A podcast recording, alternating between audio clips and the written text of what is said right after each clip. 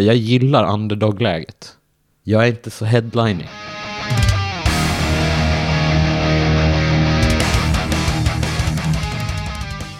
Då var det en sån här äh, härlig röddagstorsdag igen. Det är väl andra gången den här våren det blir så tror jag. Den här veckan har jag äntligen, måste jag säga, fått sätta tänderna i ett band som jag har följt ganska länge och äh, försökt äh, komma nära. Men det har av olika anledningar inte hänt förrän nu då. Vi pratar om Greenleaf och jag sätter mig ner med sångaren Arvid Hellagård. En fantastiskt trevlig person, en grym sångare i ett eh, extraordinärt bra band. Vill du stödja Rockpodden och dess fortsatta arbete så finns det möjlighet att göra det på patreon.com rockpodden. Där kan du för från 2 dollar i månaden ta del av lite roliga saker och ett eh, bonusavsnitt varje månad. Känner du inte får signa upp dig på det så finns också möjligheten till Swish-bidrag. Det gör du på 070 77 38 200. 77 38 200. Men nu rullar vi igång veckans avsnitt. Du lyssnar på Rockpodden. Arvid Hellagård är veckans gäst. Jag heter Henke Branneryd och jag önskar dig en god lyssning. Fan vad trevligt. Verkligen. Är det bra med Arvid Hellagård idag? Eh, ja, jo men det är det ju. Det har ju varit, som vi pratade lite innan här, dåligt, riktigt dåligt år på många sätt. Men nu börjar det, nu börjar det kännas bättre. Så det känns ju bra. Skönt att höra. Ja, Ja, nu skiner solen och det är fredag morgon. exakt. Fan vad konstigt väder det var igår för övrigt. Det, Det var var typ helt- snö, sol och riktigt dåligt väder att ha en småunge på. Ja. För utelek i alla fall. ja, exakt. Men du, då kan man unna sig bara vara inne. Precis, exakt. Ja, riktigt dåligt år på många sätt sa du. Ska vi gå in i det? Ja, men det, vi kan väl, ja, jo men det kan vi väl göra. Det kan Vi börjar mörkt och så går vi till ljusare. Ja, exakt. Nej, men det... Nej, men det, det började med en eh, konstig... Ja, alltså det började väl lite innan, men det var... Jag har gått igenom en skilsmässa som var jävligt tuff. Jag blev också lämnad för en annan person och det sög hårt. Och jag har haft en sån här kris och jag har gjort om min lägenhet helt maniskt bara för att kunna bo kvar. Men den blir jävligt fin. Ja, det är kul att du tycker det. Eh, väldigt sådär stilrent. Mycket Ja. färgkoder och ja, jag har verkligen gått in i det där. Blivit växtlig, växtlighetsperson och ja. Men det var skönt att fokusera på det och så har jag tränat jättemycket. Jag tror fan jag har rott nästan 35 mil. Shit, i roddmaskin. Ja, fem kilometer varje dag tror jag. I, ja, sen det hände. Ja, det är bra. Det Så börjar det är se ganska ut. många månader av rodd. Fram och tillbaka till Falun typ. Mm. Eh, och, så, och så har jag gjort jävligt mycket musik. Eh, och nu börjar det bli bättre. Det börjar lätta. Börjar se nya saker. Och så utöver det så har det ju varit corona också. Ja, Så jag har ju blivit av med alla jävla spelningar eh, och inkomster och grejer. Men på något sätt kanske det har varit lite skönt att inte behöva åka ut på turné när man mår som en röv. Liksom. Jag skulle ju ha varit på turné nu. Och på ett sätt så hade ju det varit jävligt roligt. Men också kanske lite skönt att det är paus. Däremot så är det ju lite bittert med Hellfest hade vi i år till exempel. Den är väl i och för sig flyttad nu till nästa år med samma lineup tror jag. Så det känns ju bra. Men ja, det, man mår ju dåligt om man inte får spela. kan jag tänka mig det. Och så Ja. lite andra, annat skit. Ja, o- precis. Ja, det. men ex- det har varit, det har nog varit, det har faktiskt varit det värsta året i mitt liv tror jag. Men eh, hittills, men nu börjar det verkligen lätta. Liksom. Eh, det har hänt en del saker som gör att jag mår bättre och jag ska, jag har ett, ett eget musikprojekt som jag har hållit på med runt det här. Och vi ska prova att repa för första gången imorgon faktiskt. Eh, och det är lite så här mer folk-aktig pop nästan. med lite soul. Det är jävligt mycket sång. Eh, det blir ju så. Och det är jag- din sång och dina låtar? Ja, det kan man säga. Jag har gjort dem fram, främst med en annan person. Jag är ju inte instrumentalist riktigt, men eh, jag gör ju mycket inbox, alltså i datorn. Och sen eh, så får andra hjälpa till som kan spela klokt. Liksom. Men jag, jag baserar ganska mycket grejer på piano först och sen så utvecklar jag det i datorn. Och sen tar jag in folk jag tycker om och så. Och nu har jag samlat, det är ju, det är ju kanske en bra grej nu när man vill repa för att alla jävla yrkesmusiker har ingenting att göra. Så att alla bara, ja fan jag kan vara med och jag kan vara med. Så man kan liksom ta de där som man gillar. Ja. För att alla är bara så här, ja fan, jag har ingenting att göra. Nej, det är. Så det är toppen liksom. Men eh, det är jobbigt också för dem såklart. Men det är skönt för mig nu då när jag ska hålla på och testa lite. Ja. Men, eh, nej, men det känns svinbra. Så det är jätteroligt. Eh, och så. Och sen har jag hållit på jättemycket med Greenleaf också. Och den nya skivan som ska spelas in i höst då. Förmodligen. Mm. Och Tommy är ju så jävla rastlös. Som han alltid är.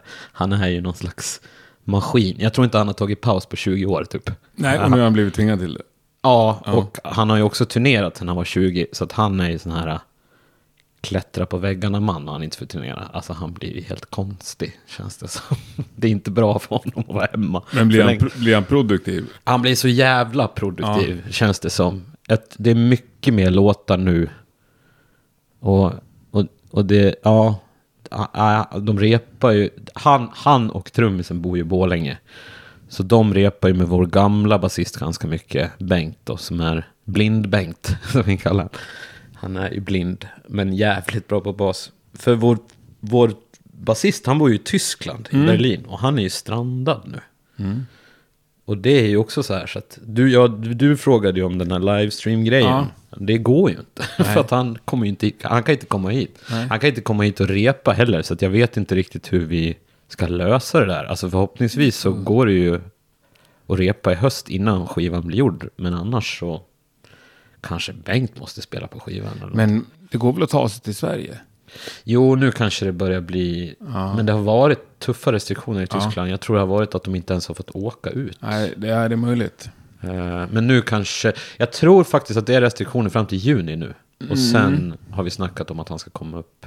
Jag vet inte hur många flygbiljetter vi har bokat om. Alltså det är så här, ja, för vi har ju ändå spelat, vi har ju ganska, varit ganska bra på det där. Att liksom boka allt i förhand. Och, ja, och trummisen som sitter med det där, han... eh, Han är trummisen som logistiker i bandet. Ja, det är ju helt CP. Det ska, man, det ska man inte, så ska man inte göra. Men faktum är att för de första två åren så var det en jättedålig idé.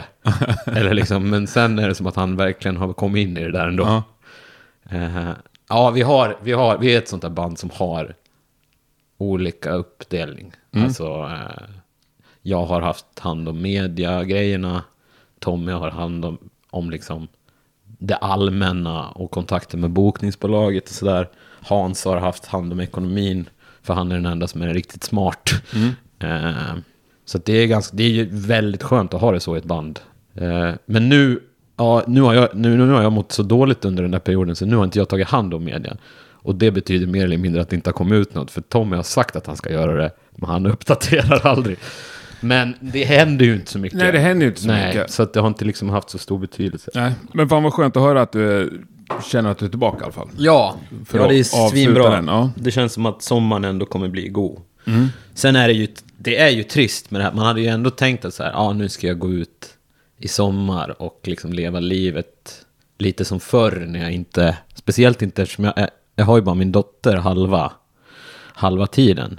Men det är ju svårt nu, för att, ja, man får ju inte göra någonting Nej, egentligen. men det är lite folk ute på helgerna. Ja, alltså herregud. Jo, det, är ju, det blir ju uteserveringshäng ändå. Så är det ju. I Sverige, och speciellt i Stockholm, känns det som att folk verkligen börjar inte orkar längre. typ. Nej, men lite så känns det. Ja, Ja, och exakt. söder tycker jag. Där verk, dit verkar de inte, där verkar de inte kolla på några nyheter. Nej, men också liksom som att det är, så länge man är utomhus kan man sitta 20 pers i en park Ja. bredvid varandra. Det är liksom ingen fara. Nej, Ehm, så att, Men jag lägger ingen värdering i det. Det är nästan som att den här coronagrejen, eftersom jag har haft så mycket annat i huvudet så har jag nästan inte... Det är klart att jag har tagit in den, men det är inte som att jag har. Jag har inte behövt noja så mycket över det för att jag på något sätt har haft så mycket annat. Liksom. Vilket har varit lite skönt, för jag hade säkert noja mer annars. Liksom. Så att, ja. Ja, det är, det, är, det är väl den klyschan om att inget ont som inte har något gott med sig. Och Nej. Så, så. Till slut så tar sakerna ut varandra i alla fall. Liksom. Precis, och så blir man styrkt av det säkert. Så att, exakt. Ja, Nej, men vad skönt. Men eh, ja, ni hade varit på turné nu sa du. Ja, jag tror att den, jag tror att den hade börjat. Där jag kan kolla på, på Facebook när det var. Om du har uppdaterat den.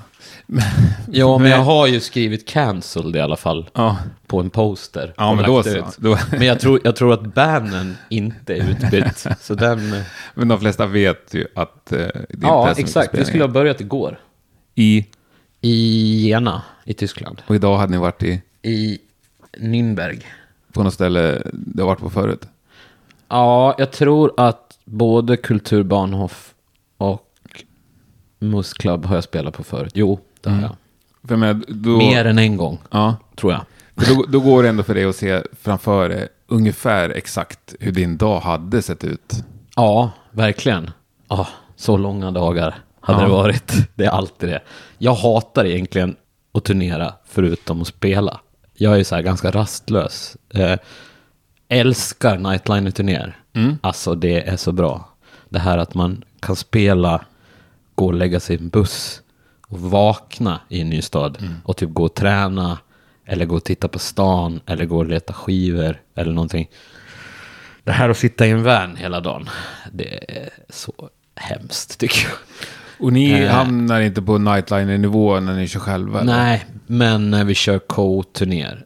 Eh, och det har väl varit ganska mycket sånt. Sound of Liberation som är vårt bokningsbolag har varit ganska bra på det. Att skramla två band som är på ungefär samma nivå. Och sen har vi liksom... Jag vet, vi var, gjorde någon sån turné med My Sleeping Karma från Tyskland till exempel. Eh, de är lite större, de är framförallt större än oss i Tyskland, så då var vi mellanband. Liksom. Man brukar vara tre band oftast. Sen har vi åkt på lite förbandsturnéer, vi var förband till Clutch till exempel. Och då åkte vi coolt. med dem en sväng, det var ju jätte, jätteroligt. Eh, det var ju också jävligt stora spelningar. Då spelade vi ju på Brixton Academy till exempel i London. Det var ju ganska sjukt. Då var det ju 5-6 tusen. Det var slutsålt till och med tror jag. Ja, det är bra. Ja. Och Så vad bra med folk när ni lirar också. Ja, men det var i alla fall, det var säkert 3000 då eller någonting. Och det var ganska uppskattat. Vi var nog ganska bra. Bombus var med också. Ja, Eh, cool line-up. Ja, det var spännande. De var väldigt roliga att hänga med. De, var ju, de är ju väldigt glada. Men de körde först, i Riva- mitten. Eh, jag tror att det var lite olika. Att ibland... Nej, nej, vi spelade först för Bombus låg på samma bokningsbolag som Clutch. Så de spelade faktiskt... Men det gjorde ingenting. Alltså det, det är nästan, jag, jag är nästan lite så jag gillar underdog-läget. Jag är inte så headlinig. Jag tycker Nej. att det är ganska gött. Speciellt att spela i mitten. För då slår man liksom ändå Då nerifrån kan du upp. slå uppåt och sparka neråt Ja, samtidigt. exakt. Man Ja. kan vara liksom... Då blir man mest taggad. För det är liksom... Och Tommy är nog ännu mer så. Han är så här... Han är verkligen så här, vi ska vara bäst. Alltså han har... Det är otroligt att han, han, han, han är så fortfarande, fast han är så gammal. Eller gammal är han inte, men alltså han... Alltså att han har varit med och spelat så länge, men han är fortfarande så här som en liten pojke. Att han liksom alltid ska ge allt. Men det är väl ganska underbart? Det. Ja, Det är otroligt. När jag började spela med Greenleaf så var det så här, oj jävlar vad jag kommer behöva jobba. För att han, han är så, han har ju liksom också en rejäl hydda, men han, eh, det påverkar honom inte överhuvudtaget. Ska jag se liksom när han har spelat, alltså det är som att det är en val som har varit på scenen. Det är liksom helt blött på hans sida. Hela pedalbordet är liksom också rostigt för att han svettas så jävla mycket. Men eh, ja, det är otroligt. Han, han rör sig verkligen mycket. Han är också jävligt, det är också en grej man tänker på när man... För vi har ju alltid burit våra egna grejer och sånt där. Och han är också så jävla stark, fast han är så stor. Alltså man, man blir alltid förvånad när han bara lyfter en gitarrlåda som om det inte vore någonting. Liksom. Det finns mycket under där.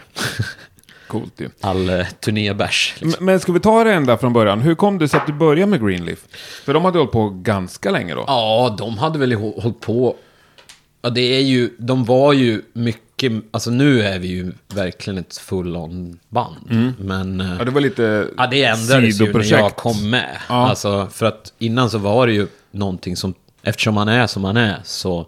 När, Tom, när Dozer hade paus, Mm. så, så körde han Greenleaf och sen så tog han väl in kompisar. Mm. Eh, så Oscar från Truckfighters har ju sjungit på två plattor, tror jag. Ja, och Fredrik har sjungit på några låtar, på några plattor. Och sen har ju Peder i Lowrider Mm. varit med och sjungit på en del låtar också. Och undrar om inte han Mother Misery-sångaren har varit med. Ja, alltså det är väldigt många som har varit med innan så här. Mm, Men du har varit lite som ett eh, Ja, hobbyprojekt men liksom. lite sådär att han har skramlat andra stoner, Mm. liksom sångare. Och även bytt lite medlemmar. Det har ju varit jävligt mycket byten så. Men sen då, nej det var bara Tommy hörde av sig till mig för jag... Ni kände varandra som polare? Nej, alltså det gjorde vi inte. Jag, var ju, jag är ju ganska mycket yngre än honom. Jag är ju tio år yngre än honom. Men, men vi hade... Jag hade ett sånt här riktigt demostonerband som hette Giant Space Cruiser såklart. Eh, i, I Falun. Och de är ju från Borlänge. Och jag tror att vi var förband till Dozer någon gång på någon sån här fritidsgård. Det är ganska kul för att eh, det var ganska rolig line-up i det Giant Space Cruiser också. För att det var Tor som numera spelar i Viagra Boys. Som är trummis där. Och sen, och sen är det Rasmus Boberg som spelar med Gösta Berling Saga. Eh, och sen trummis, ja, gitarristen som egentligen är trummis, han spelar med ett ganska bra popband nu som heter Magic Potion. Så det, alla har verkligen spelat sen, men, men då var vi riktigt dåliga. Finns det här att lyssna på? Ja, det finns på YouTube tror jag. Ja. Det är riktigt, vi liksom så här, det finns replokalsinspelningar där jag typ inte hade en aning om vad jag höll på med. Jag och Tor höll på att spela in och det var så här, vi satte upp, hängde upp mickar med gaffatejp i taket och du vet, det var bara så här, kaggen låter som en liten, ja, för fan vad illa det låter. Men, men det är kul, det är ändå så här, det är väl några riff ändå som jag, jag tyckte alltid att Andreas hade väldigt intressanta idéer när det gällde riff och sådär. Så det var kul. Och vi ville ju låta som Queens of the Stone Age, typ. Det var ju liksom den grejen. Men då spelade vi i alla fall förband till Dozer. Och då gjorde vi också en Dozer-cover, Rings of Saturn, tror jag det var. Och jag tror att Tommy då bara, fan den där killen kan sjunga. Han, han har någonting liksom. Så jag tror att han höll koll på mig lite efter det. För sen efter det, då höll jag på med asmycket annan musik. Jag eh, spelade pop väldigt länge och jag gick på Operastudion i ett och ett halvt år. Så jag har så klassisk skolning från början. Är det sant? Ja, och sen hoppade jag av liksom, för att jag tyckte inte det var så jävla kul. Och det, alltså, sjunga klassisk musik, det är lite som sångonani. Det är liksom, man står i ett rum fyra timmar per dag och drar i sin egen röst. Men du har ändå det där i det, så att säga. Ja, jag kan Ja. sjunga Ja. klassiskt och jävligt stort. Liksom. Eh, fortfarande. Men, eh, men jag är ju uppväxt på, på soul. Och alltså mycket sånt. Det- varför jag sjunger överhuvudtaget är inte för att jag kommer från en musikalisk familj eller någonting. För de är fan tondöva.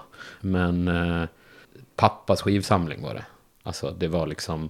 Hur, Va- så, hur såg den ut lite snabbt? Ja, men det var Van Morrison, Wilson Pickett och sånt där. Otis Redding, allt det där. Och sen var det Deep Purple Made in Japan, Zeppelin, kanske lite King Crimson. Och jättemycket Santana och Chicago och sånt. Och eh, Joe Cooker också. Så, här, så att jag, jag, jag satt ju hemma när jag var liten och försökte låta som en svart person. det var mycket den grejen liksom. Att jag, bara, jag tyckte det var så coolt med bra sångare liksom, som hade det här äh, bettet. Liksom. Den här äh, självdistributionen. Men sen, nu senare år har jag varit att jag tycker att det är ganska nice när man sjunger rätt mjukt också. Speciellt i hård musik. Alltså, jag kommer ihåg att när jag hörde till exempel Queens of the Stone Age första gången, då var jag så slagen av att gud vad snyggt det är att bara lägga melodin, lägga fokus på melodin istället för att gasta så jävla Ja. mycket. Alltså den här James Hetfield-grejen var aldrig min grej. Nej. Jag tyckte det var mycket najsare när man när man låter melodin få ta plats och att allt inte behöver vara så himla hårt hela tiden. Liksom. Och sen att man ibland biter i när det, men för att det ska bli, för att det ska vara feeling, alltså att det är mer som soul snarare än det här att Ja. man bara ska låta arg och cool. Liksom. Nej, men det, har, det är helt självklart nu när du berättar det. Men det har jag nog alltid tänkt på i bakhuvudet när jag lyssnar på Greenleaf. Ja, För det, det är en melodi och det är ju fin sång. Ja om, man precis. inte tar, om man inte tar det som en kränkning. Nej, men absolut. Nej, men jag, och jag älskar liksom pop. Alltså jag, jag tycker liksom att, att Beatles och allt sånt och även så här José González och alla, alltså jag, jag tycker att det är jättekul när man kan få in sådana typer av idéer i, i riffrock. Där man, där man liksom, för det blir en mer, mer nyans liksom. Men hur fritt spelrum fick du där från början? Nej, alltså det var bara så att Tommy bara, han skickade över det som blev Depth of the Sun på Trails. Och han skickade över liksom ett arr och en riffidé, en replokalsinspelning. och jag älskar ju Dozer. Eller jag liksom har alltid tyckt att de var otroliga. Jag hade inte lyssnat så mycket på Greenleaf, men jag visste liksom att det var bra. Eh, så jag, eh, jag skrev text och melodi på en timme, spelade in det, skickade tillbaks det. Och Tommy bara... Alltså jag har aldrig fått något så snabbt. Inte med text, liksom. Och sen så var det som att... Fan, kan inte du bara sjunga på hela skivan? Och sen så fortsatte han skicka låtar. Och jag gjorde, alltså jag vet inte, jag hade världens flow. Alltså det var bara som Härligt. att jag bara, ja, men det här, det här ska låta så här. Och att jag ganska snabbt också började peta i arren. Att jag liksom, för så har vi alltid gjort. Att, att Tommy kommer med en riffidé, jag gör lite grejer i datorn, skickar tillbaks. Och så liksom, och sen ses vi i repan och då sätter vi ihop allting.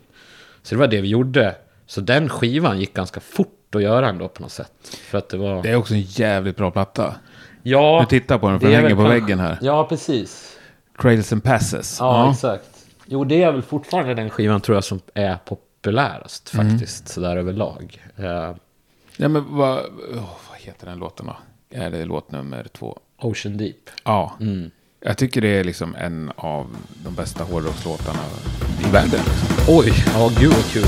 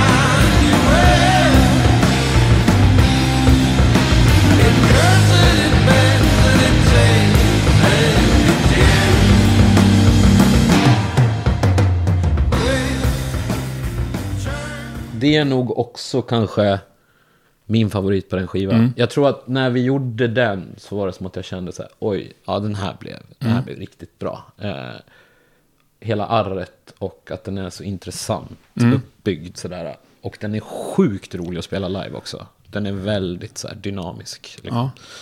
Ja. Eh, och, och då var det, och sen så gjorde vi den liksom, och så släppte vi den på Smallstone.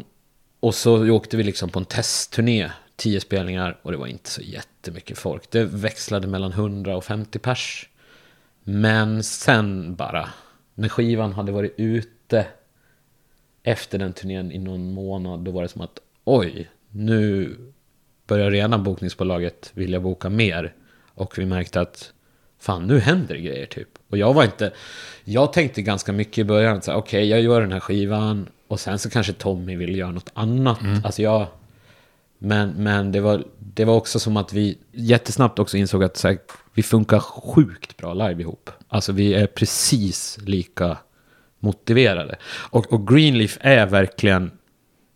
Det, jag, jag är nöjd med skivorna vi har gjort och hur Daniel har mixat det och liksom sådär. Men jag har alltid känt att nerven är live. Alltså att det är, det, det är musik som gör sig bättre live. Liksom för att den är, alltså riffrock är liksom mer explosivt och intressant. Alltså, man, det är svårt att fånga gunget på skiva på något sätt. Ja. Det blir så jävla tungt liksom. Och, och jag är också så glad över att vi kan göra det på fyra pers. För det har liksom aldrig känts som ett problem. Och det är ganska skönt att det bara är Tommy på gitarr. Liksom. Så att det, nej men så det var bara, och då, och sen började vi ju turnera as mycket liksom. Men typ aldrig i Sverige. Nej. Jag har, ju, jag har ju aldrig sett det live. Det är Nej. ju faktiskt bedrövligt. Ja, du skulle väl göra det i Gävle? Ja, Ja, skivmässan ja, som blev uppskjuten. ja.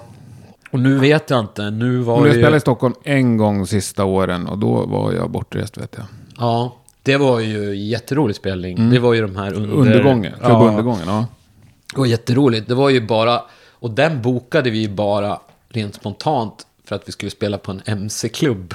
Där vi fick jättebra gage nere i Småland dagen efter. Jaha. Så det var helt spontant. Sen har vi spelat ganska mycket i Malmö faktiskt, på Ja. plan B. För Carlo där, han gillar oss liksom. Eh, nu har vi, det är väl inte annonsat än, men vi har en spelning i Göteborg i höst, vet jag. Och så har vi höstsabbat i Norge. Eh, Ja men Gävle, det är väl uppskjutet till november? ja, men Ja. nu tror jag att vi ställde in, eller är vi på line-upen igen? Titta inte på mig. Nej, men jag, jag, jag för, för grejen var ju att Tommy skulle ju till Australien på turné med Dozer då. Ja, ah, just det. Men nu allt. tror jag det blir ju inte av. Så att nu vet jag inte Nej. riktigt. Men så var det någonting med älgjakt också. Nej men va? Ja, trummisen Är det, jagar är det ett giltigt skäl? Nej, alltså jag turné? tycker ju inte det, men han tycker ju det. Liksom. men... eh, nej, men vad fan, vi får se. Det kanske ordnar sig det där. Jag ska prata med grabbarna. Mm. Men det där med att hitta giltiga skäl till att ställa in, vare sig det är rep eller gig eller turnéer. Ja, vi repar ju typ aldrig. Nej. Men, um, nej. Vi ställer in ibland, men det är ju ganska sällan. Det värsta vi har ställt in var USA-turnén.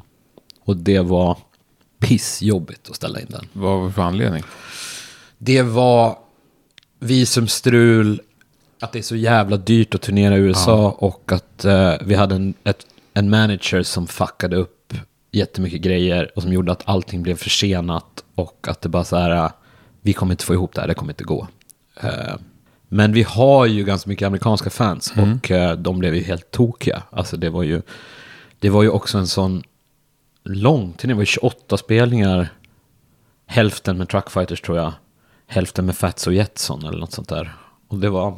Men åkte Truckfighters över? De åkte. De åkte. Det blir nästan ännu mer svidigt. Ja. Ja. Nej, det var... Nej, det var skitjobbigt. Det var nog en av dem. Men det var också att vi var... Vi var helt slut då. För vi hade turnerat hela hösten. Och så hade vi gjort en turné i februari också. Och alla var så här... Jaha, och nu ska vi åka till USA en månad. Men det hade, alltså vi hade gjort det. Det var, det var, liksom, det var mest alltså, ekonomiska och liksom visumgrejer. Att det är så jävla mäckigt. Och liksom, det är ju ganska dyrt att turnera i USA. Ja, jag har förstått det. Jag snackade Ja. med Olof Wikstrand från Enforcer Ja. häromveckan. De körde ju 53 gig på 53 dagar. Ja, det är ju helt sinnessjukt. Ja. Ja, Men han förklarar väl det för att få ihop det liksom. ja och det, ja, det är jättesvårt att få ihop det. Jag vet att... Jag har pratat mycket med Monolord-grabbarna som har varit där mycket. Eh, och det tar ju några gånger innan man får rull på det där. Men eh, för dem har det ju funkat ganska bra. Det är klart att vi ska ta oss dit någon gång. Vi har varit väldigt... Eh, har vi fått mycket sådana här erbjudanden för Psycho Las Vegas och sånt där också. Det vore ju jätteroligt. Men det är liksom mest att få ihop det rent ekonomiskt och tidsmässigt med jobb och barn och allting. Men jag hoppas att jag får åka dit någon gång. Men just nu så ser det ju inte ut som att det kommer bli på ett bra tag. Med tanke på regering och corona och allting. Nej. Nu är det väl, jag vet inte om det är något slags inreseförbud också. Jag har inte heller dagsaktuellt. Det har ju i alla fall varit. Ja, Nej, jag tror inte att du kan köpa en flygbiljett bara sådär till Las Vegas nu. Nej. Nej. nej precis. Och, Och det, det- är ju så att man vill ju skaffa, man måste skaffa ett sånt här artistvisum. Och Och då är det för ett år. Så då måste du, och det är ganska dyrt då. Så då måste du liksom se Kör. till att spela rätt mycket. Helst två vänder under det året liksom. Australien har vi ju varit i och det har ju varit toppen Ja. liksom. Jag tror vi har varit där två gånger nu. Och det har varit skitkul och skitbra. Men där är det liksom också att det handlar ju mycket om, i den här scenen, eftersom den inte är, det är ju inte... Stoner Rock-scenen är inte samma som metal-scenen. Alltså det är ju... Det finns inte lika stora ekonomiska support, liksom. Och det är... Även om den växer, speciellt i Centraleuropa har den växt mycket på sistone. eh, Så är det ändå liksom ganska indie, allting. Eh, Och det handlar mycket om att ha rätt person som tar hand om en. Och våga satsa. Liksom. Och där har vi hittat en sån person i Australien. Och i USA har vi snackat mycket med Tone Deaf. Eh, som är ändå ganska, de har ganska många band. Men eh, det handlar liksom om att så här, verkligen synka. Nu åker vi, nu kör vi, nu ska vi fixa allt. Liksom. Men även om ni är mitt i stoner-scenen liksom, så tycker jag att ni är... Alltså jag älskar Monolord, men jag, ni är ju mer lättillgängliga. Ja, verkligen. Ni borde ju tilltala en mycket bredare publik. Det märks ju på lyssningarna. Ja. Alltså på streams och sånt Ja. så har vi ju generellt sett ganska mycket mer än många av de andra banden. Det som också är kul med Greenleaf faktiskt, det är att det är ganska mycket tjejer på spelningarna. Eh, vilket inte alltid är fallet. Liksom. Det bruk, man är ganska van vid, tyvärr, alltså, Mm. i, i Stoner Rock-scenen att det är skäggiga män. Liksom. Men, Ja, fast... men det har vet- ändrats. Alltså, I Sverige är det inte så mycket så. Men förut, i Tyskland har det varit mycket så. Men nu har jag märkt att så här, plötsligt är det verkligen ett gäng kvinnor också som står längst fram. Och Ja, och, jag vet jag verkligen slogs av det någon gång jag var på Skräcködlan. ja, de Wow. har ju också bred. Det Liksom. kändes som att det var mer tjejer Ja. än killar där. Ja, det är Det är så bra med det. Skräcködlan också för att de, de är liksom ganska unga. Alltså, Robert och dem. Och Men de är äldre än dig. Nej, det, ja, det kanske de är. Jo, det tror jag. Okej, men jag, jag tänker att jag spelar ett gammalt band för att de andra är äldre. men, Ja, det är du som är frontman. ja, exakt. Eller är du frontman? Jo, men det är jag. Ja. Det är jag nog. När blev du det? Jag fick lära mig det när jag började med dem. Ja, men liksom första giget med Greenleaf. jag. ja då var jag... Då var ändå Tommy där och han liksom också mycket mer så här ja, precis. Jag någonting. fick, liksom, jag fick ta an den rollen. Jag Ja. var inte så här, jag tänker inte... Jag tänker inte vara i bakgrunden. jag tänker slåss om den här platsen på något sätt. Bra. Och numera är jag ju väldigt... Jag tror att jag har tagit... Jag, jag tänkte på det jättemycket när jag var på turné med Clutch, alltså med Neil. Mm. Att jag bara så här, ja, så här ska man göra. Man ska liksom vara någon slags preacher. Ja, Eh. han är ju verkligen, det är hans band. ja, exakt. Nu är det inte... Vi är ju inte på samma sätt, men jag är ändå... Jag, jag styr skeppet numera. Ja. Men det har jag nog gjort några år. Men, men jag blir ju bättre och bättre på det Men har du varit tiden. bekväm i det? Ja men verkligen. Det enda jag inte tycker är så nice, det är mellansnack. Eh, där har jag fått, alltså aldrig haft något problem med att stå och sjunga live. Det har jag ju också gjort sedan jag var 13 år typ. Men i massa olika sammanhang. Jag har ju frilansat som jazzsångare och sånt där också liksom. Men, men, eh, men just det här eh, snacket när i vissa, i vissa delar av Europa så går det toppen. Men när man hamnar framför en holländsk publik till exempel, de är så jävla tysta och lugna. Och de, de är lite svenska på det sättet att de rör sig liksom inte. De, de, de, men de klappar väldigt mycket när de tycker någonting är bra. De är så här hövliga. Och då är det så här, då, då kommer man med sin svenska ironi. Och ibland så bara går det inte. Och så är det helt tyst. Och så bara, men vad fan, jag var ju rolig nu. Men Ja. det tyckte inte de. Ja, Men, ja. Och, då, och då, då börjar man tänka. Och då går det åt helvete. Då är det som att man bara, fan vad dåligt det här går. Ja, Liksom. då tänker du som en stand-up komiker liksom att... Ja, men li, alltså, det är väl inte det, men, men man vill ju på något sätt ge... Jag tror att det är viktigt ändå att ha någon slags scenpersona. I alla fall för mig. Jag vill ju på ett sätt kännas naturlig, men jag vill ändå inte vara Arvid, den här... För jag är ju en ganska snäll och mjuk person. Men på scenen är jag nog ganska... Där vill jag liksom styra skeppet. Vad är det för skämt du drar? Har du något sådär... Jag har en grej som vi kör nästan varje turné som har blivit en liksom stående punkt och det är att jag eh, berättar om trummisens olika samlingar. Och där hittar jag bara på något skit. Liksom.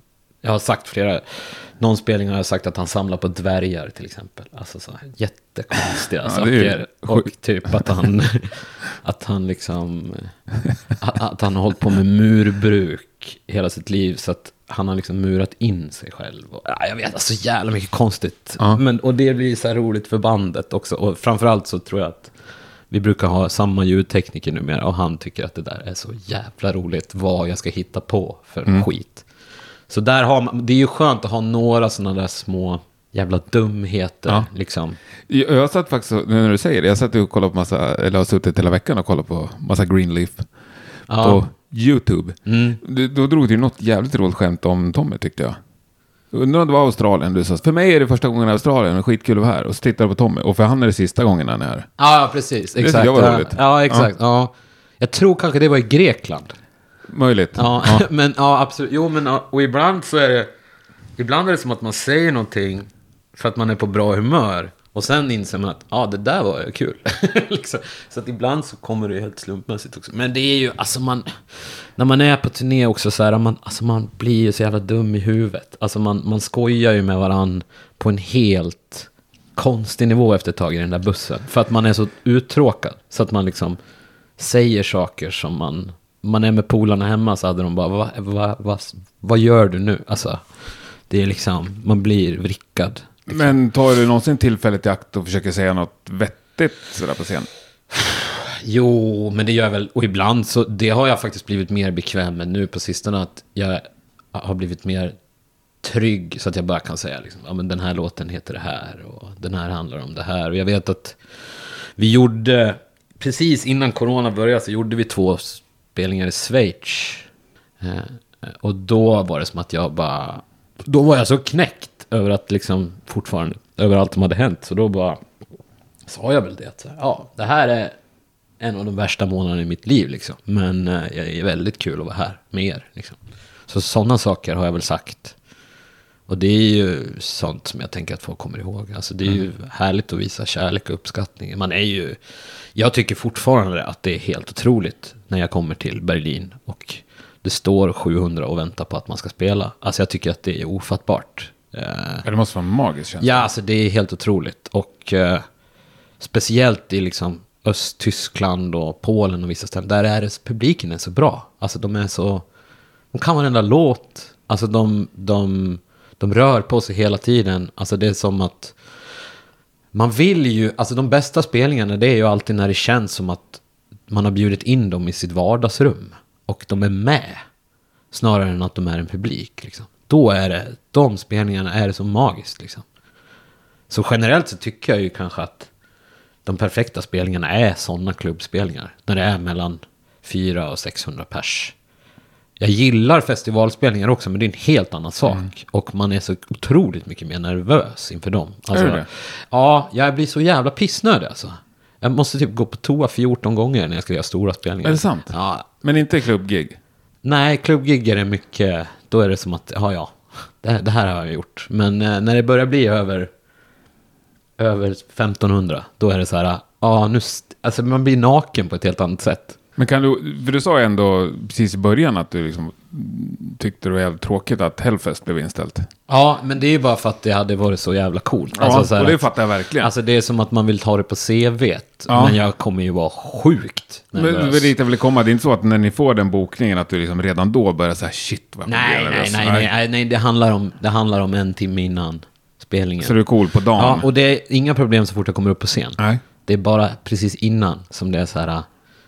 Jag går och tänker på vad jag ska säga. Vad ska jag göra? Vad ska jag ha på mig? Alltså så här. Sen när jag väl är där uppe, då är det skitsamma. Jag kan ju lika gärna klä av mig. Liksom. Alltså, Mm. Det är det som är det bästa med live, tycker jag. Det är att så fort man är där uppe, då, då är det kört ändå. Ja, då måste man ju ro skeppet i land. Ja, men exakt. Ja, eller ja, försöka i alla fall. Alltså, liksom, men det är också som att nu är jag här. Nu, kan, nu får det bara gå som det går. Liksom. Och sen så, visst, man har ju dåliga spelningar där man har dåligt ljud. Alltså sådana saker. Jag kör med in-ear numera för att det är ju skitjobbigt att inte höra sig själv liksom. Eh, men, men... Eh, ja, och ibland har man ju riktigt dåliga spelningar. Och det, det är också så här ett, har varit ett problem med oss. För att vi blir ganska arga, eller vi blir ledsna på varandra. när någon inte levererar. Det är väldigt mycket så här laganda i det där. Så att man, man får försöka, vi, numera så är det väldigt sådär peppigt innan. Att så här, nu ska vi bara ha Men kan det komma kul. redan på scen att ni blir arga på varandra? Man kan vara, alltså, det kan vara liksom att, att Tommys gitarr börjar strula eller något, så kommer man i osynk. Och Ja. när, man, när, man, eh, när man spelar live och man börjar tänka, det är då det är kört. Mm. Man ska aldrig tänka, det ska bara vara som ett fritt flöde. Liksom. Men vad gör ni för att peppa upp varandra innan? Nej, men vi, vi sitter oftast liksom först i logen en stund och alla gör sitt och donar. Och så lyssnar vi på bra musik som är peppig. Liksom. Det brukar vara ganska mycket Hellacopters. Jaha. faktiskt. Och även soundtrack of our lives brukar vara... Att Tor, eller vad heter det, Tommy slår väl alltid på lite Kiss. Liksom. Han är ju en enormt Kiss-fan. Eh, och så. Nej men bra, bra, bra, bra musik som, som, som är peppig liksom. Var det ganska mycket kvelertack också nu faktiskt. Vad bra.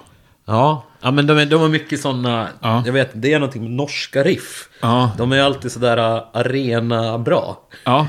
Det är samma sak med Turbo Negro, att de har någon så här... uh, Jag vet inte vad det är, vad Nej, det jag handlar tycker om. Bokassa också. Ja, ja, just det. Ja, också precis. jävligt peppigt. Ja, men det är något, det är som att de...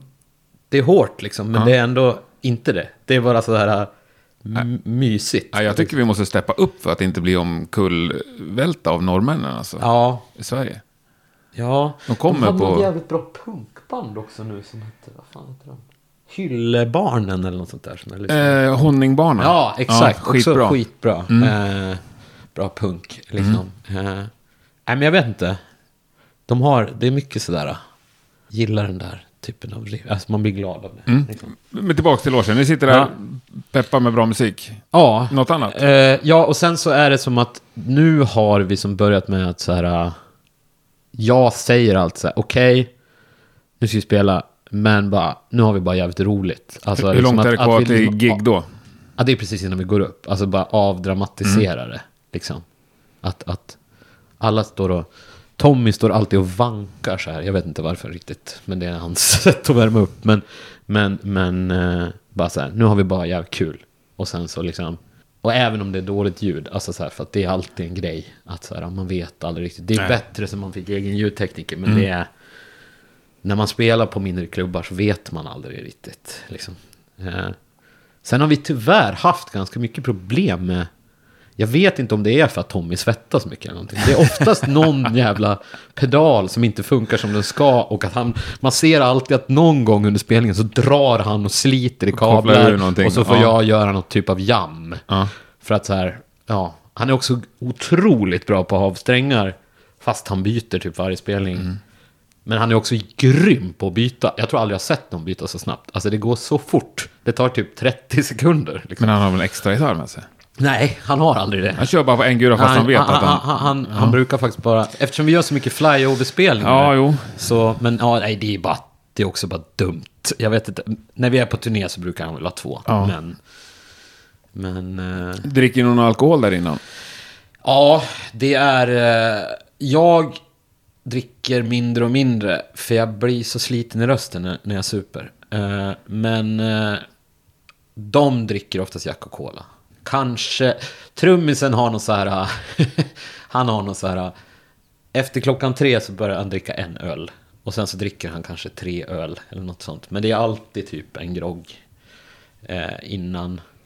Och jag gör det ibland. Men eh, jag har försökt nu på sistone och de senaste turnéerna att vara ganska nykter. För att om jag... Det är mest att jag blir, jag blir så jävla glad när jag dricker. Alltså och så här peppad efter. Så då vill jag gå ut och prata med folk. Men då blir jag hes. Och så klockan fem helt plötsligt. Exakt. Ja. Så, att, så att jag, nu har jag varit så här, nej fan, jag, jag, jag går och lägger mig. Jag har typ också lite så här, inte på enskilda spelningar, men under, under turneringen så går jag inte ut till merchen och sånt. För att jag vet att det är hög musik där Mm. och jag måste spara. Jag sjunger så jävla mycket i Greenleaf. Mm. Och det är ganska högt. Och jag är, jag, jag är, har en ganska mörk röst egentligen. Jag har liksom sjungit upp mig under tiden med Greenleaf så att jag har kommit högre. Men det gör också att jag liksom måste, jag måste spara. Och numera så värmer jag upp ganska noga och så. Det gjorde jag inte i början. Och i början så drack jag, alltså när man började turnera och inte liksom hade gjort det på det sättet med ett rockband förut så drack jag ju alldeles för mycket. Alltså jag kommer ihåg att jag hade någon sån här riktigt hemsk... Vi, vi spelade i Dresden och så var det fri bar och jag drack typ sex glas whisky eller något sånt där. Innan? Nej, efter. Ja. Efter spelningen. Och vaknade liksom mitt i natten och fick dra en. Och så sov vi på ett sånt här sovloft. Och så hade vi käkat liksom en sån här tysk döner med rödkål. Och så fick jag liksom dra en över väggen. Så det rann ner till första våningen. Mitt i natten. Och, och jag liksom hittade ingenting att torka med. Så jag fick liksom ta ett lakan och försöka få bort det. Och sen liksom gå och slänga det. Och sen skulle vi spela dagen efter i Berlin. Och jag bara låg på en soffa och bara, det här kommer inte gå. Och alltså, trummisen var så orolig över mig. Han var liksom så här, alltså, fan du ser ut som att du ska dö. Liksom. Men sen så var det som att, sen kom ju adrenalinet. När man kom upp på scen och så, så var det lugnt igen. Liksom. Men det var också som att jag bara, okej, nu har jag gjort den här, nu har jag lärt mig, nu börjar jag lära mig att okej, man måste ta det lite. Man är ändå, det är så jävla speciellt. Jag tror att de flesta har provat. Ja, men ja, herregud, det är klart. Och vissa fortsätter ju och Ja. kör ändå. Det finns ju folk som är helt... Jag vet inte om du... Vi har gjort några spelningar med ett band som heter Weed Eater. Ja, jag vet vilka det är, men ja. Ja, de är ju... Men det låter, Ja, inte, det som, är- det, det låter inte som de dricker så mycket i och för sig. Jo, jo, alltså de dricker ju... De dricker nej, ja, men de dricker nej, också. Alltså de röker ju konstant, men alltså han, han, han dricker ju en flaska bourbon på scen, liksom. Och sen dricker han en till när han hoppar av. Och sen, nej, alltså de, ja, de är helt... Så det, men i och för sig så låter ju han så här bara. Alltså så han kan väl göra det ändå. Men det, det är liksom... Nej, jag vet inte. Det är ändå, det är, det är ett craftmanship det där också. Att supa och knarka på det sättet och ändå leverera. Men, eh, men jag, jag pallar inte. Nej. Jag mår så jävla dåligt i skallen också. Man ska sitta i en van hela dagen och så bara mår man piss. Det är inte värt det. Nej. Så att numera tar jag det lugnt. Och sen så drar jag väl en rejäl fylla på slutet av turnén. Liksom.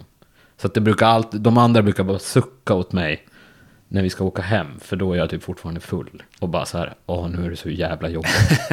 Men de är också så här, okej du, har, du har varit nykter hela Ja, du är turnén." värd. Ja, exakt. Men då är de så där, då brukar jag väl då är jag så här svintrött också och säkert lite elak. Jag har haft så här ångest några gånger att jag bara, fan vad jag var jobbig när vi skulle åka hem. Du har gått och stört dig på dem också helt Exakt, ner. ja precis. Ju utlopp för. Exakt. Ja, det är svinkul. Men hur ser det ut med demokratin i Greenleaf? Även om du är frontman? Alltså låtmässigt så är det väl som att jag och Tommy är väl de som främst skriver. Men, men trummisen är ju alltid med när Tommy liksom lägger upp låtarna och tycker och tänker. Men jag tänker mer när det kommer till att bestämma saker. Ja, du menar så. Ja, men det är väl ändå Tommy som är boss där lite. Att sådär, men det är ju ändå rätt demokratiskt på det sättet att alla... Tommy säger okej, det här har vi fått från bokningsbolaget, det här kan vi göra. Vad kan ni göra? Vad fungerar? Och sen är det ganska okej när folk säger nej. Men folk vill ju oftast inte säga nej. Nej. Alltså, det är väldigt sällan som det är så här att... Om, speciellt om det är något bra. Ja, älgjakt det är ju bara två månader per år. Ja, du vet. Ja, men alltså det där är ju bara, det är bara bassen som håller på. Men eh, Men när det kommer till liksom artwork och merch och... nej, där har det väl varit lite mer... Eh, merchen har jag tagit hand om, typ. Och då är det mest att jag hittar någon grafiker som jag tycker är bra. Och så skickar jag över det till Tommy. Och sen så godkänner han det. Och Mm. sen så, ja men vi, då gör vi en print med det där. Där har de liksom inga omröstningar hela bandet. Nej, så. alltså jo, alltså folk kan ju säga så här, men det där tyckte inte jag var så snyggt Nej. och sådär. Och då kanske vi inte kör en design med dem igen. Men alltså det är ju det som är så jävla bra med, med Stoner Rock, att det är sån otrolig omsättning på merch. Mm. Alltså ibland så tjänar vi ju mer pengar på merchen än vad vi gör på själva spelningen liksom. Det är faktiskt, det är, det är jävligt fint med den scenen, att folk är så jävla supportande. Eh, och också det här med gubbarna som köper alla färger av samma vinyl och sånt där är ju otroligt på något sätt. Men, men nej, men så att det... I början var man ju mycket mer noga med det där, men nu är det som att, ja, det kommer ett nytt print, alltså hela tiden.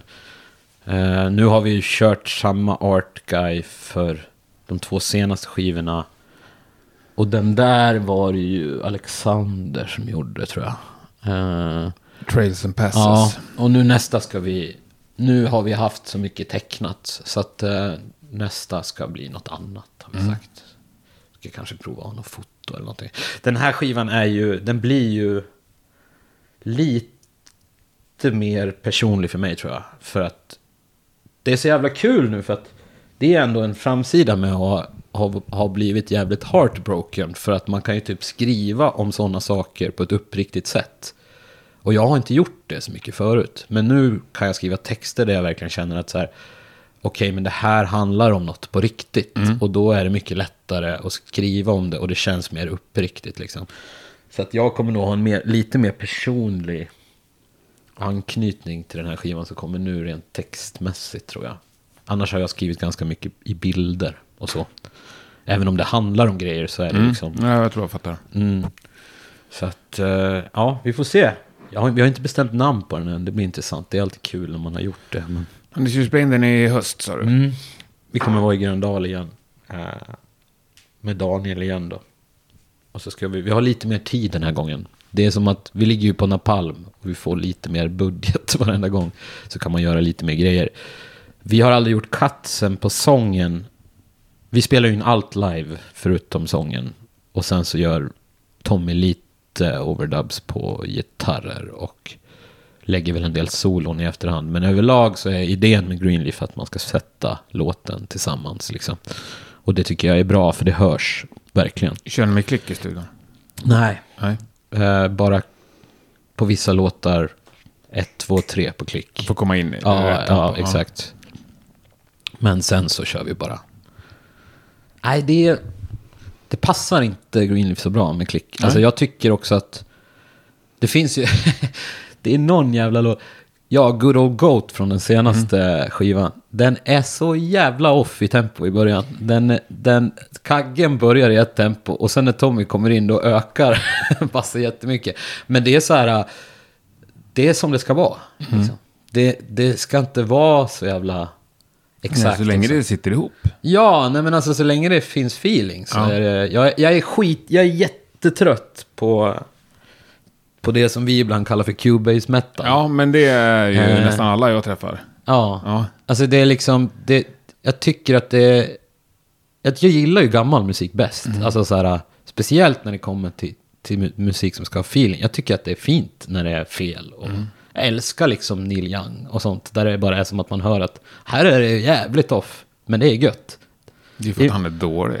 Va? är för att- det är jag, för att han är tycker, jag, dålig. jag, jag tycker han är fantastisk. Men, ja, jag men, vet att många tycker. Ja, nej men liksom att, att liksom... Eh, att, att det är nästan som att ibland kan jag tycka att de grejerna blir bäst på Ja. Mm. sikt. Alltså första gången man hör dem så bara fan det där borde man ta om. Alltså. Det är samma sak nu när jag har gjort min egen musik. Att jag, jag har bestämt mig för att bara ta hela tagningar. Jag kör aldrig liksom bara en vers eller någonting. Utan jag sjunger alltid hela låten som man gjorde förr. Mm. Liksom. För att jag tycker att... Äh, Arvid, nu har du sjungit så jävla många år så... Fan, nu får du bara... Du, du låter så här. Vad, vad tänker du göra med soloprojektet? Eh, det vi ska försöka göra nu är att eh, det kommer bli en eh, sju låtars platta. Liksom. Eh, Som kommer att släppas? Och... Ja, i höst kanske. Eh, och eh, sen så kanske jag ska spela lite med det eh, i Sverige antagligen. Vi får väl se vad det, vad det blir för Är det respons. på engelska? Ja, Ja. det är det. Ja, du kan få höra någonting Ja, sen. jättegärna. Eh, och sen... Ja, så vi ska repa nu och känna hur det känns att göra det live. Eftersom jag har gjort allting i datorn så är det ganska så här... Eller allt, vi har ju spelat in Det grejer. men- Cubase Soul nu. Ja, fast jag, ja, det är ju faktiskt bearbetat i Logic. Men just nu har jag lite struligt för jag har, jag har macken där. Men det är för gammal Thunderbolt-port.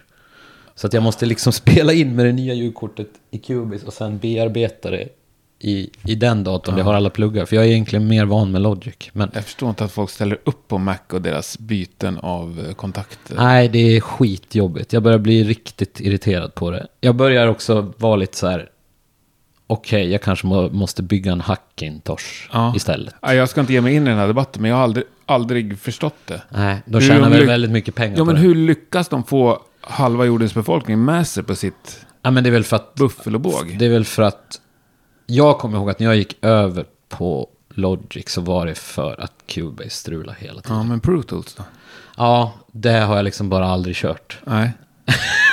Och det, jag tror att det är för att Jag är det, långt ifrån Jag tror att det det kanske för bara- mig från början var mycket för att jag jobbar mycket med midi. Mm. Och då var Logic så jävla bra på det, tyckte jag. Så att, men, eh, alltså alla de där nu är väl lika. Nu använder jag Cubase och jag tycker bara att det funkar skitbra det Ja. också. Alltså det är liksom, jag ska, det ska ju bara in. Mm. Jag, vet, jag, jag börjar bli så, ja, för, för några år sedan var man så jävla intresserad av tekniken. Mm. Men nu är jag, alltså, nu är jag mycket mer så låtskrivarmässig. Att jag bara, jag vill bara att det ska funka. Och att det ska låta bra. Mm. Liksom. Så jag köper dyra grejer men det, jag är inte så intresserad av det specifika. Liksom. Nej. Eh, Men du har ju ändå en eh, schysst studio Ja. setup här hemma. absolut, den, eh, den funkar bra. Liksom. Det är ju det är mickar och det enda jag måste... Jag skulle verkligen vilja ha ett akustiskt piano här inne. Ja. Eh, men det kan man ju få tag i hur lätt som helst. Det är bara att betala Ja, frakten. Liksom. gratis att- ja, överallt. Exakt. Hur bara fina bara, som bara helst. ett som är hyfsat okej att stämma. För Ja. det är ganska trist om man går ner en oktav och så är det off. Mm. Eh, och sen så har jag lite mer så syntgrejer och sånt som jag skulle vilja sätta upp och så här. Men min dotter är ibland i det här rummet också. Mm. Så det är lite som att vi får dela på det. Ja, Eh, men just nu är det väldigt mycket mitt rum. Men på sikt ska det väl bli hennes rum också. Jag vet inte hur jag ska lösa det där riktigt. Men det, det fixar sig. att få henne att älska musik. och Jag tänker, jag har pianon. haft mycket så här, hur ska man göra med det där? Och jag har tänkt mycket att så här, äh, man ska ställa fram instrument och spela mycket musik. Mm. Men man ska aldrig tvinga dem på det. Ja, det tror jag låter som en bra. Ja. Mm. Men hon sjunger ganska mycket fort, faktiskt. Jag noterade faktiskt för några veckor sedan att hon kan ta intervaller klokt. Och det är ju ett gott tecken. Hon sjunger inte falskt. Ja, men de flesta barn gillar ju musik. Ja, verkligen. Alltså hon älskar ju musik. Och eh, framförallt så gillar hon de här James och Karin, djurens brevlåda-grejerna. Nej, men det är så här, äh, älgarna demonstrerar och Ja, allt sånt okej. där. Jaha, gamla... Jag har aldrig sett en orm i hela mitt liv. Mycket sådana här låtar. Jävligt flummigt, men eh, grymt bra faktiskt. Mycket fina stämmor och sånt där. Eh, så att, ja.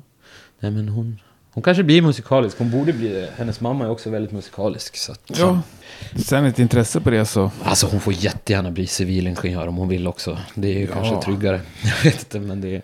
Det kan ju finnas jobb där det är enklare att få ihop till en hyra och... Ja, verkligen. Det är ju ett jävla gissel att hålla på med musik på det Ja. sättet. Man måste ju hela tiden försöka hanka Men har du fram. någon slags dröm om att bara kunna lira? Faktiskt så var det väl så som att jag hade det rätt länge. Men sen när vi började turnera så mycket Mm. så gjorde jag ju nästan det i perioder liksom. Eh, och då var det lite som att jag var så här. Det är ändå ganska soft att spela lagom mycket. Jag är ändå så här ganska mycket rutinmänniska. Och på turné har man typ inga rutiner. Och det tyckte jag var skitjobbigt. Och sen så längtade jag hem Speciellt sen när jag fick barn så är det ju som att man vill, man vill ju vara med. Speciellt när de är, hon är ju två snart. Och det är som att man vill vara med under de där åren. Men eh, om man på något sätt kunde hitta en kombo där man får tillräckligt bra betalt. Så, alltså, alltså att man kan hamna på den nivån att okej, man är ute en och en halv månad men sen får man vara hemma i två månader. Då skulle jag nog tycka att det var rätt fett. Det är ju sjukt få förunnat det. Ja, ja. Alltså det, är- och det är ju det jag har insett också. Och För annars blir det så, Så- om vi snackar om kadaver liksom. Mm. Kollar man på streams och så här så är de millimeter större ner egentligen. ja, precis. Men jag kan tänka mig att de inte gör något annat. Nej, men det gör de spelar inte, men de de spelar ju sjukt 300 mycket. gig om året, Ja, liksom. och de har ju mycket... De drar ju mer publik än oss, speciellt i Tyskland. Mm. Liksom. Men eh, nej, alltså nej, man måste spela så jävla mycket. Då är det verkligen det enda man kan göra. Ja. Eh, och det...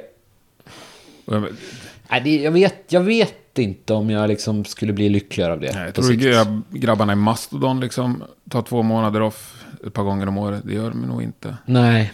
Nej, sist jag... Tommy känner ju dem för... Ja, Dozer har ju turnerat med dem två gånger tror jag. Eh, Och vi träffade dem på Oslos flygplats. Och jävlar vad de var slitna. Alltså, ja, alltså, Ja, nej men det, det, är, ju- det är jävligt tröttsamt att vara på turné så där länge. Eh, och de är ju, alltså det, det är så, också så typexempel att, okej, några av dem, det finns ju alltid några som bara älskar det, som tycker att det här är fan det bästa som finns.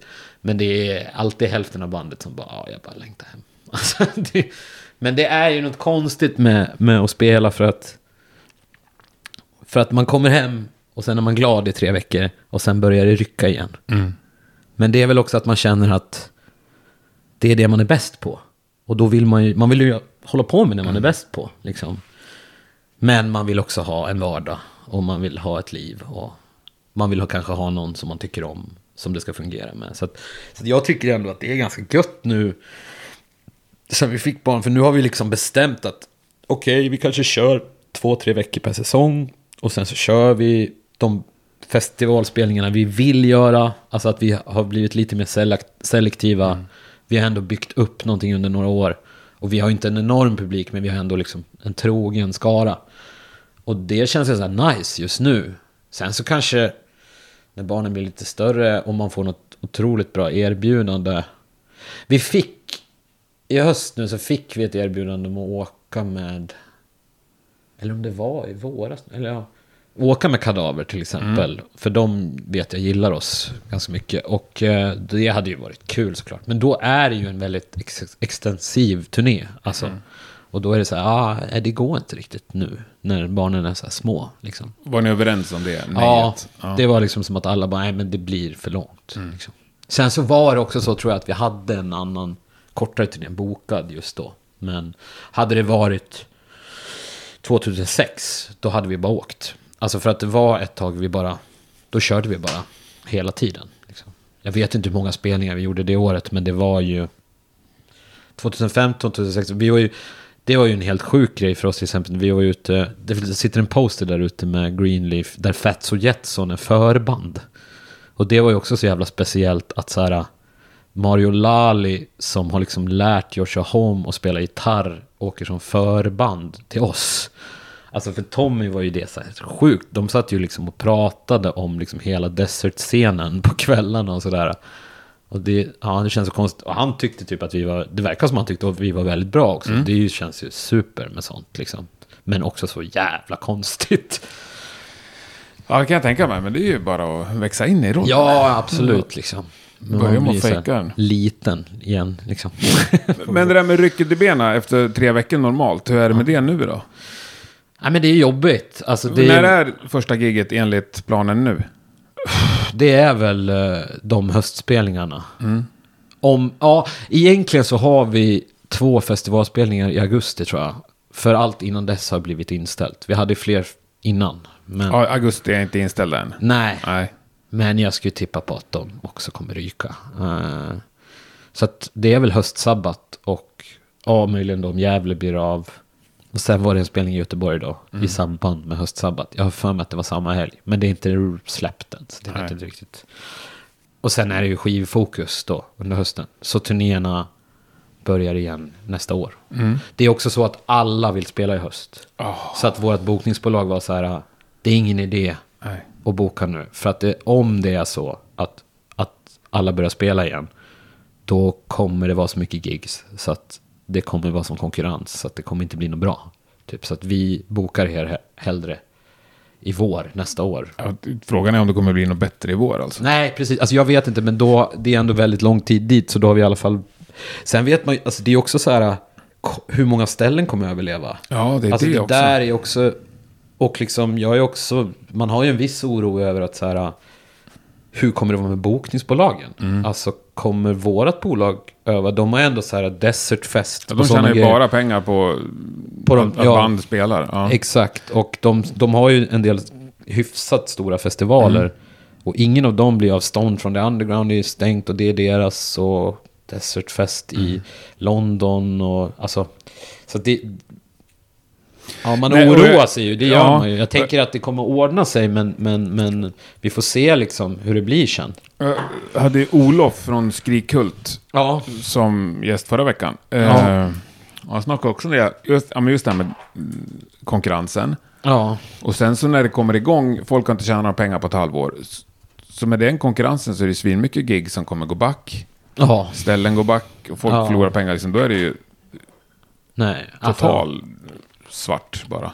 Jag tänker också att det är för jävligt.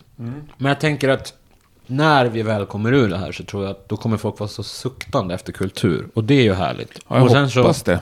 Ja, alltså jag, ja, om inte folk är dumma i huvudet. Men, men, eh, Folk men det är också, också så att många kan, just i Sverige skulle det vara ganska bra om någon rörde om i grytan lite. Mm. Ur en livestream-punkt tycker jag. Alltså, bara det här med hur de har lagt ner ställen i Stockholm är Mm. för jävligt. Alltså det är så här... Hur fan kan man lägga ner Debaser Medis liksom till exempel? Tyckte Mm. jag var så här... uh, Det måste ju fin- få finnas livemusik inne i stan. Alltså, Men, eh, men också liksom att kanske sådana stora parter som Live Nation och sånt här. eh, Det kanske är bra om några som är drivna på nytt och är lite mer indie kan få vara med och liksom få någon typ av plats. Att det inte alltid är så styrt av de stora aktörerna. Men det här, ja, så i den bästa av världar tänker jag mig att ja, ni kanske är tvungna att köra en Sverige-turné. Ja, alltså absolut. Och jag köra skulle liksom, ju... även i Hudiksvall och Ja. Härnösand liksom. Och grejen är att när vi har spelat i Sverige, när vi väl har fått göra det, så har det varit toppen. Alltså speciellt här förra året, då vi ändå gjorde lite mer än vad vi har gjort förut. Och för oss är det ju ganska skönt nu också, alltså för att då kan man ju köra två gig på en helg och så åka hem. Alltså det är liksom... Så att jag, jag hoppas, jag har ingenting emot att spela Nej, Sverige. så Men det är väl kanske att vi har varit lite gaskinkiga också. Ja, Alltså att, att lite dyra. Ja, alltså vi vill ju gärna ha ungefär motsvarighet emot liksom, Tyskland. Även om det är lite lägre resekostnader och sånt. Så är det ändå... I och med Norwegian och sånt där så har det ju varit så här att det blir inte så stor skillnad om Nej. man tar en bil eller om man...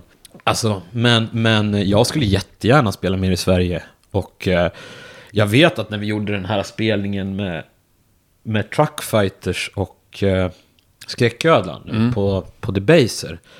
Så var det ju, det var ju slutsålt liksom. Och det var ju, publiken var ju skitbra. Jag hade så jävla roligt liksom. Ja, det var den uh, Truck Fast Fighters festivalgrejen. Ja, som Truck Fighters Ja. ordnade. Ja. Exakt.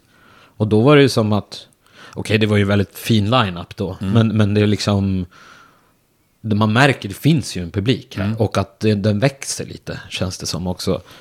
Och det är jättebra med band som typ Skräcködlan som bidrar till det som har spelat så mycket i Sverige. Mm. Liksom.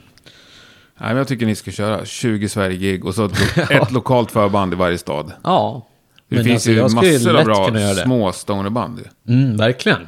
Alltså, ja det är ju Krökbacken ett bra exempel på. Liksom. Att det finns ju verkligen folk som vill. Och eh, det blir liksom fint med scenen också att det är, det är ett sånt litet community där det är ganska trevligt och bärsigt och snällt.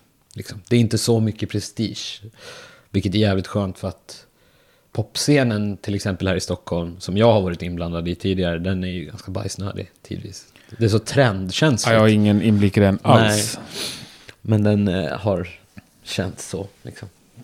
Men du, eh, en avslutande fråga som jag brukar köra med nästan alla. Ja. Sveriges mest underskattade band. ja, men jag tror efter spelningen jag såg på, på vad heter det, på Södra Teatern så skulle jag nog ändå säga Gösta Berlings saga. Det är ju ett instrumentalt band, men de är fan, alltså de är så jävla bra. Och de är så jävla bra live. Helt otroligt. Alltså. Så på rak arm så skulle jag nog, det är de jag tänker på först. De borde ha så jävla mycket mer att göra, tycker jag. Ja, det, är lite därför jag ställer den här frågan. För jag tycker det finns så många Ja, det, jätte, det finns jättemånga, men jag tror att de, alltså så här, rent musikermässigt och upplevelsemässigt så tycker jag att de är sjukt bra. Alltså. Coolt. Ja. Då kollar vi upp dem. Ja, Ja, men jag tyckte det var sjukt trevligt att träffa dig. ja, verkligen. Ja, vi har fått en liten bild Ja, av vem Arvid är. Det är ju Ja. svårt med en helhetsbild på en timme. ja, men, Tusen tack för din tid. ja, Och eh, all lycka med både privatliv och musikliv. tack så mycket. Så hoppas jag, jävlar vad jag ser fram emot att se er live. Ja, Ja, nu får det se till att bli av. ja, absolut. Ja. Vi ska fixa det. Ha en grym helg. Ja, detsamma. Tack. Japp, det där tyckte jag var riktigt trevligt. Hoppas verkligen att du också gjorde det. Stort tack Arvid och såklart stort tack till dig som har lyssnat. Ja, om inte jag var peppad på att se Greenleaf live innan så blev jag ju det ännu mera nu. Blev peppad på att lyssna på dem också. Jag vet att många av er där ute har lyssnat mycket på Greenleaf, men eh, det kan väl aldrig vara fel med en låt till va? Så jag tycker vi avslutar med Let It Out från eh, deras senaste album. Ha nu en underbar långhelg så hörs vi nästa torsdag. Tack och hej!